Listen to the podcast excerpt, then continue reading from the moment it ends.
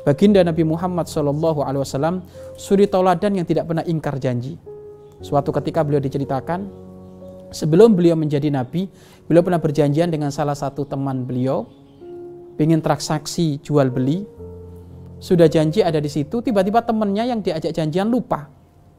Nabi Muhammad menunggu semalam sampai dua hari sampai tiga hari Nabi Muhammad belum beranjak pindah dari tempat janjian tersebut. Sampai akhirnya temannya ingat, ya Allah aku janjian dengan Nabi Muhammad. Akhirnya dilihat Nabi Muhammad belum beranjak pindah dari tempat tersebut. Sambil Nabi Muhammad ngomong, kamu menyiksa aku, aku sudah menunggumu tiga hari.